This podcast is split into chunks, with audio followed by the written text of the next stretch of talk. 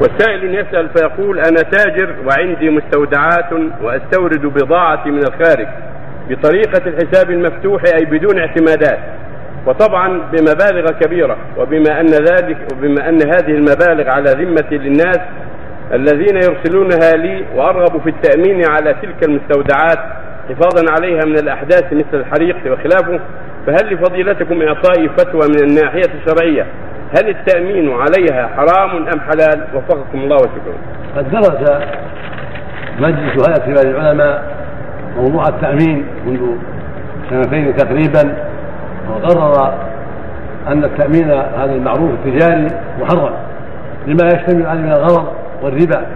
التأمين على المستودعات أو على نفس أو على سيارة أو على أي شيء هذا التأمين التجاري الصحيح فيه أنه محرم.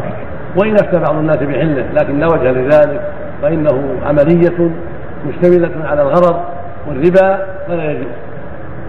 لكن التأمين التعاوني التأمين التعاوني بين الناس لا بأس. إذا تجمع جماعة واتفقوا على شيء يطرحونه كل واحد يطرح كذا وكذا لما يقع بينهم من الكوارث يستعينوا بهذا الشيء هذا لا بأس به. هذا تأمين تعاوني ليس فيه ربا ولا غرض. أما التأمين التجاري الذي فيه الغرض وفيه الربا فلا يجوز.